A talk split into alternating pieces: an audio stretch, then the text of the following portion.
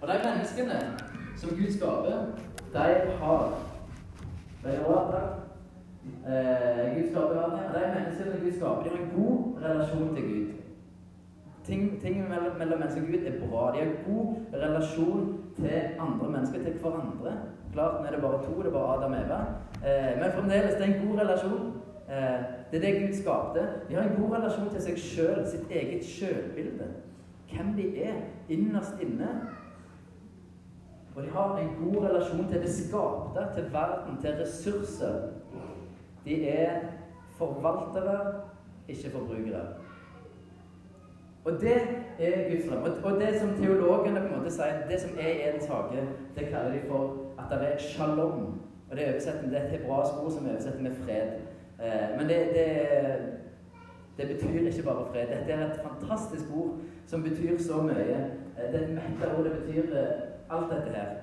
Fred med Gud, fred med deg sjøl, fred med andre, tilfredshet, helhet, ha det bra, harmoni, glede, velvilje, trygghet, velstand osv.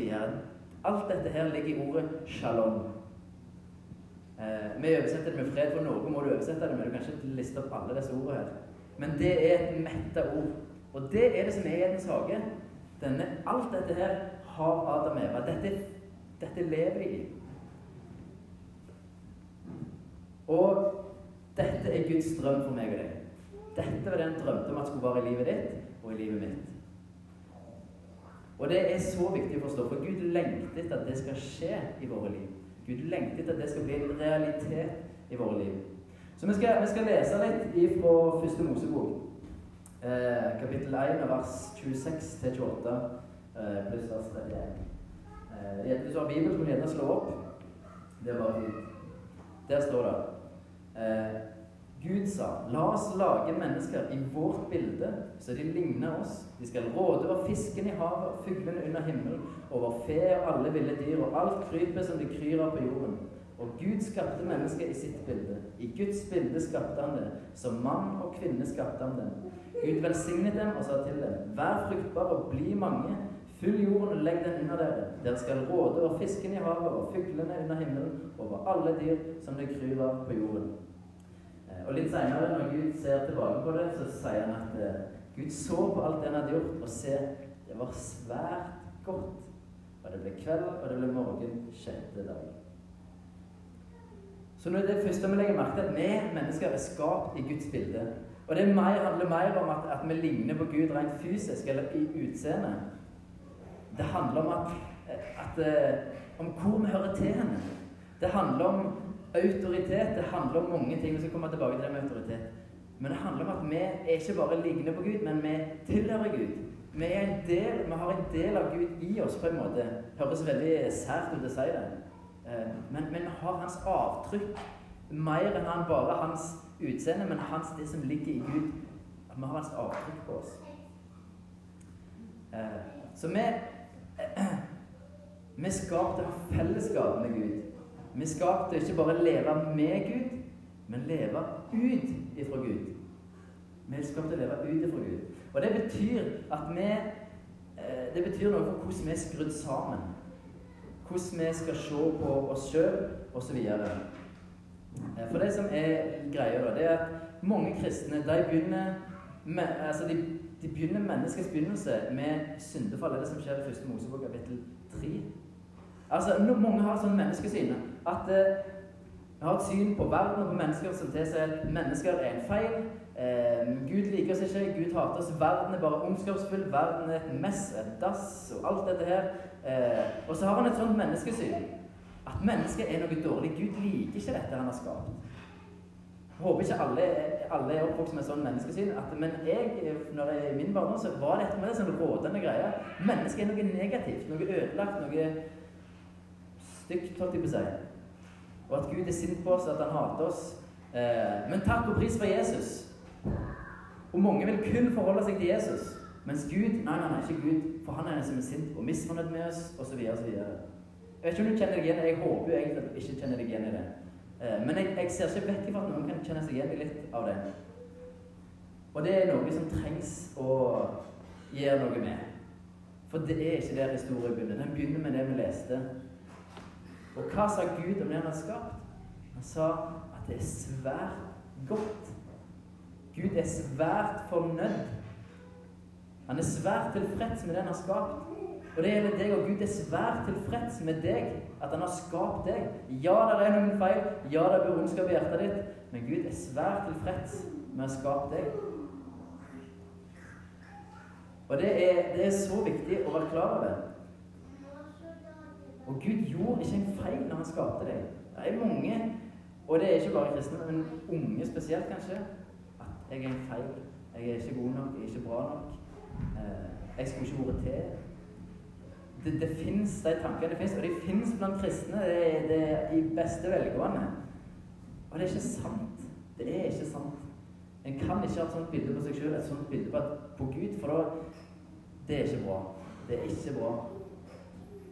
Eh, så Gud elsker deg ubetinget. Altså, Gud elsker deg, han liker deg, og han elsker deg uten å stille krav til prestasjon, til historien din, eller til utseende, eller hva som helst.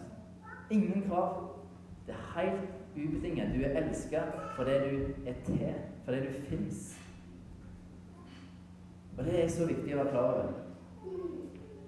Og da kan vi spørre selv ok, hvis vi elsker ubetinget, hvorfor måtte Jesus komme da? Hvis Gud elsker oss uten å stille krav til oss, hvorfor måtte Jesus komme da? Uh, og det handler bare for å ta det så det ikke blir en sånn misforståelse. Men det handler om aksept. Alle mennesker er elska av Gud, men ikke alle mennesker er akseptert av Gud.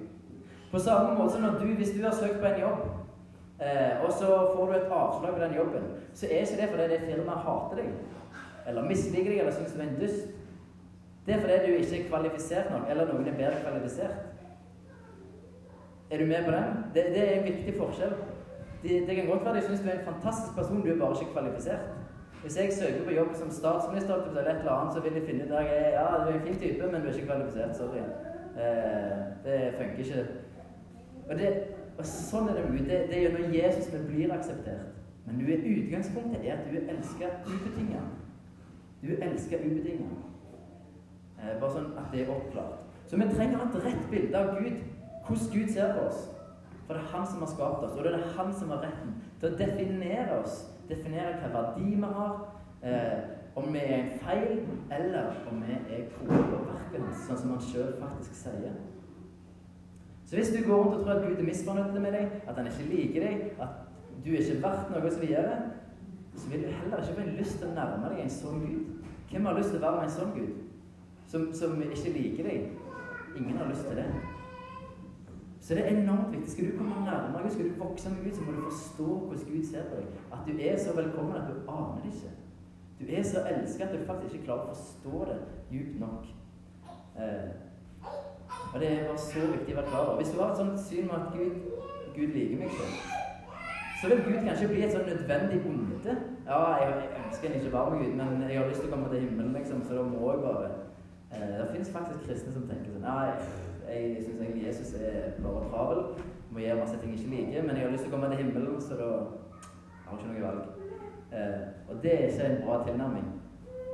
Så det er noe som er så viktig å forstå. Hvor enormt høyt elsker du av Gud at når han skapte det som skjedde i begynnelsen Det er sant om deg. Gud er svært fornøyd, svært tilfreds, og han elsker uten å stille krav. Og hvis du har unger sjøl, så vet du litt om hvordan dette fungerer. Du elsker ikke fordi de presterer, fordi de er flinke eller fine nok. eller sånt. Du elsker fordi de er til.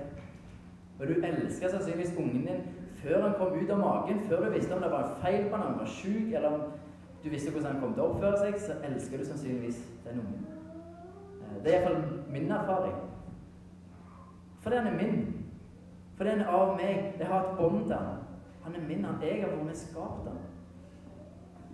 Og sånn er det for Gud. Og hvis, hvis vi elsker, vi som er på en måte har faktisk ondskap i oss, hvor mye mer elsker ikke Gud da? Det han har skapt. Det er bare så mye mer. Og det, det er bare så konge. Så vi, vi, trenger å forstå dette, at Gud elsker oss ubetinget. For det er det som, Og han er fornøyd med oss. Han liker oss. Han liker deg. Jeg husker jeg ofte hørte at ja, Gud elsker meg. Jeg har hørt meg så mange ganger. Men allikevel klarte jeg å tenke at Gud liker meg ikke. Eh, for meg så ble det sånn Oi, Gud liker meg. Han ikke bare elsker meg, ja, Gud elsker alle. Nei, nei. Han liker meg. Han har lyst til å være med meg. Han har lyst til å være med deg. Så det, det, er så, så viktig å forstå. En annen ting som er viktig å forstå eh, av det som er i Edens hage, det som Adam og Eva opplever, handler om hvordan vi er skapt, og hvordan vi er meint til å fungere. Eh, for på samme måte som Gud er treenig, så er faktisk vi mennesker eh, har en form for treenighet i oss. For vi mennesker er skapt med en eh, Vi er skapt med en kropp, med ei sjel og med ei ånd. Vi har De tre elementer fins i mennesker. Det forteller Bibelen oss. Vi er ikke bare ei kropp og ei sjel, sånn som mange, mange tror. Men vi har ei kropp, og vi har ei sjel, og vi har ei ånd. Eh, og kroppen den er ganske grei, for det er fysiske ting som helse og mat og drikke og bevegelse og sanser osv. Søvn, alt det der. Fysiske ting, ytre ting. Det handler kroppen om. Lett å forholde seg til, egentlig. Og så har du sjela. Eh, den, den, sitter litt dypere i oss. Eh, og i sjela vår eh, så sitter følelsene, der sitter sinnet, der sitter viljen, og der sitter vår personlighet. Og det, det sitter, men det djupeste i oss, det er vår ånd. Og i vår ånd, der sitter vår relasjon med Gud. Der sitter vår kreativitet. Vet ikke om dere har tenkt på, men Vi har noe som heter åndsverkslov. Har du tenkt på det? at når du skaper noe, så handler det om noe du skaper fra ånda di. Det er litt stilig å tenke på at vi har en lov som faktisk heter det. Åndsverkslov. Og kreativiteten sitter djupt, eh, djupt i deg, i din ånd. Og Der sitter òg identiteten vår. Hvem vi er, hvem vi tenker at vi er. Det sitter i vår ånd, det djupeste i oss. Og så sitter våre djupeste behov, ikke alle behov, våre djupeste behov sitter i vår ånd. Og det er behovet for eh, å bli elska ubetinga. Å bli anerkjent, anerkjennelse for den en er, å ha verdi, å ha trygghet, aksept, ha lykke og ha mening. Dette er ikke en uttømmende liste, det fins ikke noen ting til. Eh, men dette er ganske universelle behov som alle mennesker har, som vi lengter etter, som vi har lyst til å få tilfredsstilt. Du har de behovene. Jeg har de behovene. Vi tenker nok ikke så mye over det, for det ligger ofte i underbevisstheten vår. Eh, djupt, djupt. Dette er det djupeste i oss. Som ikke alltid er så lett å få hodet rundt alltid nødvendigvis hva er for noe. Men det ligger der. Eh, og disse behovene vil faktisk styre livet ditt. Eh, hvis noen av dere er lærer eller har jobba med unger eller ungdommer, så er dette ganske lett å se. Eh, se hvordan de oppfører seg hvis de har mangler disse behovene. Eksempel er det alltid en klovn i en klasse som gir masse greier for å få oppmerksomhet, for å få fokus på seg sjøl. Hvorfor det? Hvorfor føler han at det må være en klovn? Jo, fordi han har behov, et behov for å bli likt, behov for anerkjennelse, for å bli elsket. Og derfor gir han det han må for å få oppmerksomhet, for å få en følelse av at noen liker han. Men disse behovene styrer livet ditt i veldig stor grad. Vi skal komme tilbake til en annen gudstjeneste. Jeg bare skal ikke så langt inn i det nå, men, men det som er greia, er at Edens hage, Adam og Eva, de får tilfredsstilt alle disse behovene her. Se Gud. De får disse tingene her. Alt det som de lengter etter, de får de se Gud. De lever ut ifra Gud. De har et fundament i livet som heter Gud, for han gir dem alt de trenger for å leve et sunt og godt liv og leve i den shalommen, den freden som Gud ønsker at de skal leve i. Så de har dette. Og deres identitet er at de er Guds barn. Som han elsker så enormt høyt. Eh, og det, identiteten handler om hvem er jeg egentlig? Og identitet er faktisk kanskje viktigere enn du tenker. Eh, nå skal vi hoppe litt fram i historien, til Jesus, eh, for å se på det med identitet, hvor viktig det er. Eh, men etter at Jesus ble døpt av Johannes eh, før han hadde begynt å gjøre noen gjerninger og mirakler, og sånne ting, så ble han ført ut i ødemarka. Han ble frista av djevelen. Hva er det djevelen prøver å ta ham på? Jeg Vet ikke har tenkt på det? Kan bare lese det i Lukas 4, 1-3. står det Fullt av Den hellige ånd vendte Jesus tilbake fra Jordan. Drevet av ånden ble han ført omkring i ødemarken i 40 dager, og han ble fristet av djevelen. Han spiste ingenting i de dagene, og da de var godt, var han sulten. Da sa djevelen til ham, Er du Guds sønn, så si til denne steinen at den skal bli til brød. Hva er det, Jesus, hva er det djevelen prøver å ta Jesus på? Jo, er du Guds sønn? Identiteten hans. Er du Guds sønn, så bevis det. Bevis at du er Guds sønn. Hvorfor prøver djevelen å ta Jesus på identiteten hans? Jo, for han vet at hvis han får Jesus til å måtte bevise hvem han er, så vet han at han allerede har fått ham til å tvile på hvem han er. Og hvis han har fått ham til å tvile på hvem han er, så vil han ikke vite hva han skal gjøre. Djevelens forsøk på å spolere Jesus sine planer i forhold til å tvile på hvem han er. På identiteten sin. Og hvis han hadde klart det, så hadde ikke Jesus visst hva han skulle gjøre. For det som er greia, er vi handler ut ifra identiteten vår. Hvem vi er. Hvis identiteten er at jeg er han som er en snekker, det er den djupeste identitet, ja, da må du snekre, da. Ellers detter jo livet ditt i, i, i, grus. Hvis identiteten er at jeg er den som er flink på å snekre, da må du snekre. Og den dagen du mister jobben, eller et eller annet, så får du en stor krise. Hvis identiteten er at du er den som alltid den som ser bra ut, ja, da må du alltid se bra ut, og du må bruke masse tid på det. Og den dagen du begynner å eldes, og du ikke klarer å skjule rynkene lenger, så får du et stort problem, og livet blir vanskelig og tøft. For hvem er jeg nå? Jeg er ikke den som ser bra ut lenger. Hvem er jeg egentlig? Hvis identiteten er at jeg er den som tjener masse penger, jeg er den som er rik Det, fullt, det er fullt mulig å ha det som en identitet. Ja, da må du jobbe masse, da.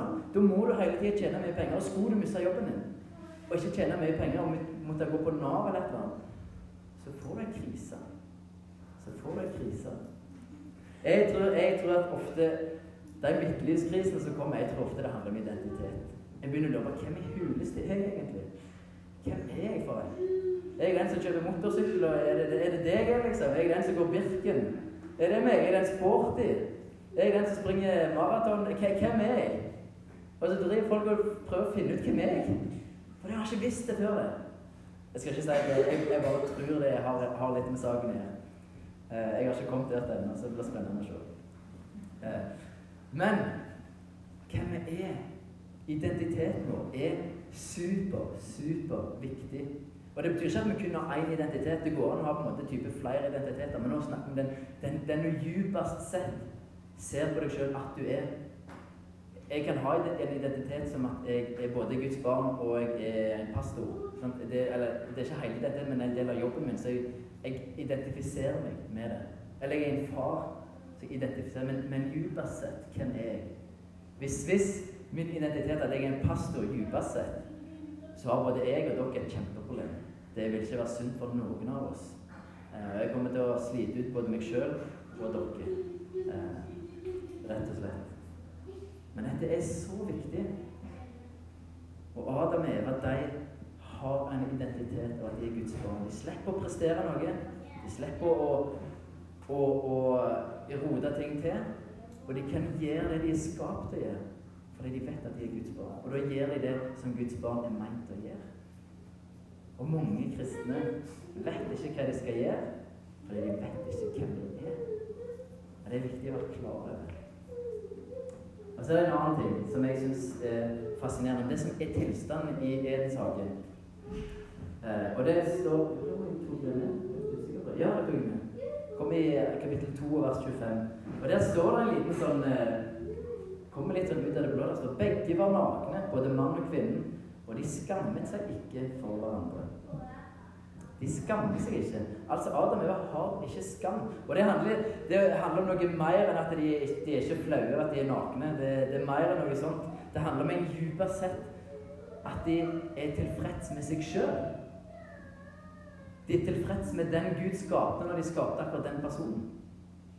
De lurer ikke på oh, nei, Adam går ikke rundt og tenker ah, jeg har litt for stor mage. Eller, altså, eller jeg, er, jeg, er, ikke så god på det som Eva. Eller jeg, ah, jeg er ikke Nei, det er ikke tilstanden. Det er ikke sånn det er. De har ikke skam. De er ikke misfornøyde. De er tilfreds med den de er. Og det er liksom viktig å være klar i forhold til skam. Eh, Skyld og skam er noe som fins, og, og, vi får forholde oss til begge. Det er det som er greia. Skylda den forteller oss at du har gjort noe galt. Den er liksom grei å forholde seg til. For det er juridisk sett. Det går kanskje på samvittigheten litt, men Eh, men den er ofte grei å forholde seg til. Men, men rett bak, bak skylda så lysker skammen, og den sier noe helt annet. Den sier deg at det, det, er noe galt med deg. Det forteller skammen oss. Det er noe galt med deg. Og det er, ikke, det er ikke en definisjon som jeg har henta sjøl, det er en sånn definisjon fra en psykolog. bare som det er sagt. Det er Skammen sier det er noe galt med deg. Det tror jeg vi kan kjenne på eh, hver en. Ah, jeg føler det er noe galt med meg. Men det er ikke tilstand i Edens hage. Det er ikke det de går og kjenner på. De er fornøyd med den de er. De er fornøyd med den Gud skapte når de skapte akkurat den personen. Og de har en fred, de har en shalom, de har den tilfredsheten eh, i hele livet sitt. Og de har det som vi alle lengter etter. Eh, og høres ikke deilig ut? Leve uten skam, ha den identiteten. Du vet hvem du er, du vet du er Guds barn, og du lever ut ifra det. Og du har shalom. Du, du har harmoni, tilfredshet, glede, fred med Gud, med andre, med deg sjøl. Ah, og det er det Gud drømmer om. Det er Guds drøm eh, for alle mennesker. Det er hans, og det er viktig, det er hans originaldesign, det er hans blueprint, om du vil, for livet. Og for å sitere C.S. Lewis Ja, flott. C.S. Lewis sier i, i en bok som heter Christianity', eller på norsk 'Se det i øynene' En bensinbil blir laget med tanke på at bensin er drivstoffet, og derfor vil ikke noe annet fungere som drivstoff. Nå skapte Gud mennesket slik at han selv var drivkraften. Han er selv drivstoffet som våre sjeler er skapt til å forbrenne, eller den føde våre sjeler er skapt til å næres av. Det er ikke noe annet. Derfor er det ingen nytte i å be Gud om å gjøre oss lykkelige på vår egen måte. Gud kan ikke gi oss lykke og fred atskilt fra seg selv, fordi den ikke er noe annet sted. Altså, vi, det er, det, Dette er blueprintet, dette er originaldesignet. Og vi kan prøve, du kan prøve så hardt du bare vil, å finne lykke og mening og alt det der en annen plass. Og du kan be Gud om det. Det vil ikke funke. For det, Gud har skapt det sånn at det fins kun én plass og det er ikke Gud. Kun der fins det. Kun så Gud fins det.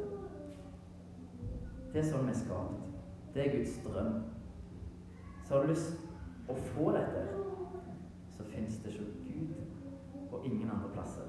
Ingen andre vil gi deg det du lengter etter. Du har sannsynligvis erfart i eget liv at uh, en trodde kanskje at når en fikk flytte inn i nytt hus. Eller en trodde kanskje at ja, jeg fikk en unge til. Eller en trodde kanskje at når jeg gifta meg Eller en trodde kanskje at da må vel livet komme på plass. Må det ikke det? Da må vel ting, det som jeg lengter til, komme på plass. Og så finner du ut at verken ektefelle eller unger eller hus eller bil eller den nye jobben som du har drømt om hele livet Ingenting ga deg det du egentlig lengtet. Det varte, fikk en god følelse en liten stund, og så var det slutt. Og så prøvde du en ny ting. Nei, jeg var ikke der heller. Og grunnen er dette det fins ikke noen annen plass enn hos Gud. Vi skal ikke gå lenger i dag, eh, men jeg ønsker bare å forklare Guds drøm. Guds originaldesign for liv, for lykke, for mening, for fred og shalom. For å leve et liv uten skam og en identitet som gir deg en visshet om at du er Guds barn, og du kan leve ut ifra det. Uten å stress, uten alt som prøver å presse deg noe annet. Eh, og det beste av alt er at Gud ønsker å gi det til deg. Det er tilgjengelig. Du kan slippe å vente til du kommer til himmelen. For det er tilgjengelig her og nå. Gud har det for deg. Gud har det for deg. Det betyr at i så fall for å finne det, så må du slutte å lete andre plasser. Så må du lete til Gud. Du må begynne å venne deg til Gud. Det er han som har det. Så jeg vil bare helt til slutt at du skal få lov til å reflektere litt. Bare tenk litt over noen spørsmål. Eh, hvordan ser du på deg sjøl? Hva menneskesyn har du? Og kan godt dra med verden. Hvordan ser du på Ulsteinvik? Tenker du at Ulsteinvik er et mess? Der er bare ondskap. Her er det bare Der er ikke noe godt. Eller kan du se at Gud faktisk er fornøyd med sitt skaperverk, i tillegg til at det faktisk fins noe som ikke funker. For det er realiteten. Begge deler fins. Gud er fornøyd med skaperverket. Og Nå skal jeg forvirre, nå skal jeg forvirre dere litt, eller gi dere en litt sånn ting å tenke på. For vi tenker at himmelen, det er noe vi skal opp til. Men når, når det står i Johannes' åpenbaring at Gud skal skape en ny himmel og en ny jord Det greske ordet for 'ny' er greske ordet 'kainos'.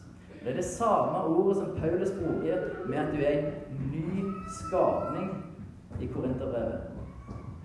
Altså, når Paulus sier at vi er en ny skapning Når jeg kommer til tro, så er jeg en ny skapning. ok, Men jeg er jo den gamle meg. Ja, men jeg er en fornya skapning. Det har skjedd noe nytt i den gamle kroppen min. Så kan det faktisk bety at den nye verden ikke er noe du skal opp til, men en rehabilitert ny verden her og nå at det er bare en fornya verden. For Gud har aldri gitt opp verden. Det står ingen plass at Gud har gitt opp verden, at Gud har gitt opp skaperverket. Det står ingen plass. Det står ingen plass at Gud har gitt opp mennesket, men han fornyer det. Han gir det et nytt liv. Tenk litt på det. Men hvordan er ditt menneskesyn, hvordan er ditt verdenssyn? Ser du at Gud fryder seg over Ulsteinvik samtidig som han ser at her er det ting som ikke er bra? Klarer du å se det? Begge deler finnes samtidig. Og det trenger vi å se det finnes noe godt i kulturen som er her, som vi skal heie på. Det finnes noe vondt i kulturen her som vi har lyst til å endre på. Begge deler finnes. Det finnes noe ondskap i deg, ja, men Gud er så fornøyd med det han skaper når han skapte deg. Begge deler fins samtidig. Hvordan ser du på deg sjøl og på verden? Tenk på det. Hva tenker jeg? Ja, det var det jeg tok. Sorry. Eh, kjenner du igjen behovet? De behovene som jeg lister opp, kjenner du igjen i ditt eget liv? At du har de behov, at du lengter etter det, at du søker det. Ubevisst eller bevisst. Ser du det i handlingene dine? Og hvor søker du tilfredsstillelse? Hvor prøver du å finne disse behovene? Bare begynn en prosess med å finne ut av de tingene. Du trenger ikke å finne ut alt i dag. Vi kommer til å snakke om dette lenger ut gjennom dette halvåret. Men prøv å finne ut. Er det noen sånn plass du søker etter ting altså, du egentlig ikke finner det som Gud har for deg? Og sist, men ikke minst, hva er din identitet? Hvem er du dypest sett? Hvem, hvem, er du på dypet av hjertet ditt? Hvem er du? Det, det, er lurt å finne ut av. Hvem er du? Eh, jeg, jeg, eh, jeg syns det, det, det, er lurt å reflektere litt. Så jeg bare oppfordrer til det. Eh, og nå kanskje du kjenner deg igjen i noe. Kanskje du, du ser at ok, ja, jeg ser noen ting i livet mitt eller jeg har lyst på mer av Gud. Eh, så det vi skal gjøre nå, det er at eh, Jeg syns ofte det er fint og flott å gi en respons eller bli bedt for. Eh, så det vi gjør, er at alle bare lukker øynene sine. bare lukk øynene. Det, det, er ikke noe farlig. Men hvis du kjenner at dette her beveger meg jeg, Gud sier noe til meg, jeg ser noe i mitt liv og jeg ønsker at Gud skal faktisk gripe inn og gjøre noe. Jeg ønsker det som Gud har for meg. Så hvis du kjenner på det, så kan du bare rekke opp hånda, så har jeg lyst til å be spesielt for deg. Hvis du kjenner at ja, Gud, dette er meg. Så hvis du kjenner det, bare rekke opp hånda nå, så har jeg lyst til å be spesielt for deg. Yes. Veldig bra. Og det er ikke noe magisk med å rekke opp ei hånd, men det kan være fint å Ja, Gud, jeg har hørt det, jeg ser deg, har lyst til å gjøre noe det. Og så kommer det til å gjøre det sånn nå framover at vi hver søndag har vi lyst til å gi, altså, som vi har samling, at vi gir en invitasjon hvis det er noen nye som ikke kjenner Gud. Så har vi lyst til å gi en invitasjon til å gi livet sitt til Gud. Så hvis du er som ikke kjenner Gud, så har du lyst til å få det som Gud kan gi, får lyst til å finne liv i Han og alt det som Han har å gi, og ikke kjenner Gud, så rekker du opp hånda nå, så har lyst til å be for deg. òg. for det kan du gjøre her og. Du kan få gi livet ditt til Gud her og nå. Så hvis det, hvis det er deg, så kjenner du det, så rekker du hånden.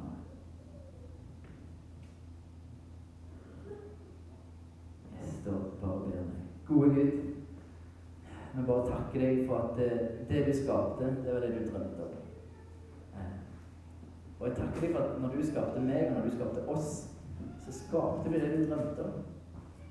Og du lengtet etter oss, og du lengtet etter å få lov til å være nær oss og fellesskap med oss. Du lengter etter å gi oss den identiteten som er med ditt barn. Du lengter etter å gi oss et liv uten skam. Du lengter etter å gi oss den freden, den shalommen, som du har tilgjengelig for oss. Vi ber deg for at du skal gi det til oss. Hjelp oss å søke det til deg. Hjelp oss å se at vi har søkt andre plasser, og hjelp oss å søke deg for å finne det. Jeg ber spesielt for deg som rekte opp hånda. Jeg ber spesielt om at du skal være nær dem. At du skal komme med en åpenbaring eh, for hvor, du, hvor, de har prøvd å finne det tidligere. Og en åpenbaring om at du har det du leter etter. At du skal gi det til dem. De skal kjenne på den ubetingede kjærligheten som du har for dem. Jeg ber om du skal åpenbare det for hjertet deres, Gud. Og vi trenger deg som Gud. Og du har så mye godt for oss. Hjelp oss å se det. At du har det livet som vi faktisk lengter etter. Hjelp oss å se det. Hjelp oss å ha et syn på oss sjøl som er for deg. Hjelp oss å ha et syn på deg som er rett og sant, Gud. Bare takke deg for at eh, du har skapt verden som du vil ha. Så ber om at vi skal få lov til å være med på å fikse denne verden. Og la ditt rike komme, og la din vilje skje her i Ulsteinvik, Gud. Det ber vi. La oss være en sånn menighet som er med på å prege og forandre Ulsteinvik etter sånn som du ønsker det skal være. Så må du velsigne resten av denne eh, samlingen. Du ber for fellesskap, at det skal være et bra fellesskap. At alle som er skal få lov til å kjenne at her er det godt å være. Så vi ber om at vi skal fortsette etter talen, etter at vi skal fortsette å få møte deg. Amen. Eh, nå blir det ikke en allsang, men jeg har en eh,